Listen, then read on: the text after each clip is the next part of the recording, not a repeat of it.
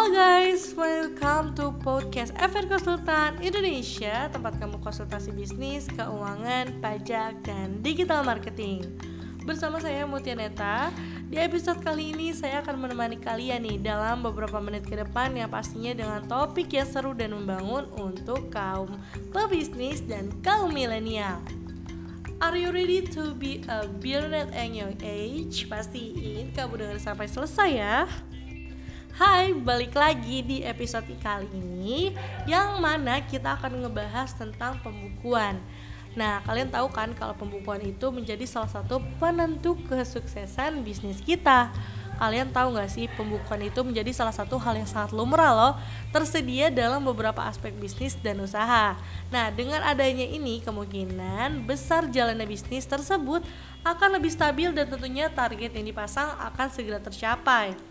Pada dasarnya, hal yang perlu kalian tahu untuk bahwa sistem ini merupakan hal yang mengacu pada penyimpanan dalam bentuk dokumen mulai dari keuangan, akuntansi dalam bisnis, buku besar, catatan laporan keuangan, hingga catatan pajak untuk penghasilannya. Dan kalian tahu gak sih kalau pembukuan juga penting untuk keabsahan pembayaran pajak loh?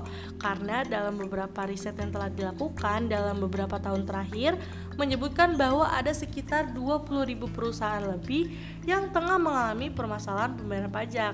Hal ini diakibatkan karena ketidaksesuaian dengan jumlah pendapatan per tahun setelah dilakukan beberapa penilaian serta tindak lanjut mengenai kasus tersebut, maka ditemukan nih beberapa kesimpulannya. Sebagai berikut ini, saya lebih jelaskan secara detailnya.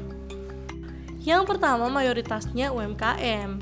Nah, aspek ini diperhatikan adalah bahwa mayoritas dari korban permasalahan pajak yang tidak sesuai dengan jumlah pendapatannya yang dialami oleh UMKM. Nah, untuk usaha menengah ini menempati sejumlah 76 hingga 80% kesalahan tersebut. Nah, kurangnya sistem keuangan terpadu juga bisa jadi salah satu faktor mengapa hal tersebut bisa menjadi sebab beberapa pelaku usaha kecil dan menengah tersebut belum memiliki sistem pembukuan yang baik sehingga semua pencatatan keuangan tidak bisa diperkirakan dengan baik serta kemungkinan besar selalu salah. Nah, dalam hal tersebut, kita bisa memperbaiki proses dalam menganalisis keuangan. Pertimbangan lebih lanjutnya tentunya adalah diperhatikan juga terkait manfaat dari pembukuan, adalah perbaikan proses analisa keuangan. Hal ini menjadi semakin penting loh dalam suatu perusahaan agar memberikan fungsi yang terbaik khususnya dalam aspek finansial. Seperti yang kita ketahui ya bersama-sama bahwa kualitas analisis keuangan dapat menjadi dalam suatu perusahaan tentu cukup, cukup rumit apalagi jika skala perusahaan tersebut telah berada dalam level yang cukup besar dan jumlah aliran uang setiap harinya juga sangat banyak dan berkembang. Next, untuk meningkatkan kualitas pada audit keuangan. Nah, audit keuangan juga bisa menjadi salah satu hal yang menarik juga untuk diperhatikan nih, khususnya bagi kalian yang berkecimpungan dalam dunia bisnis. Sebab perusahaan pasti mengalami serta menerima audit keuangan secara mendadak untuk memastikan tidak ada penyalahgunaan keuangan. Akan tetapi hal tersebut tentunya tidak perlu dikhawatirkan secara berlebihan. Sebab jika suatu perusahaan memiliki kualitas pembukuan yang berkualitas dan tentunya mempunyai maka proses audit tersebut akan cepat diselesaikan dengan perusahaan dan bersangkutan lainnya akan lebih aman.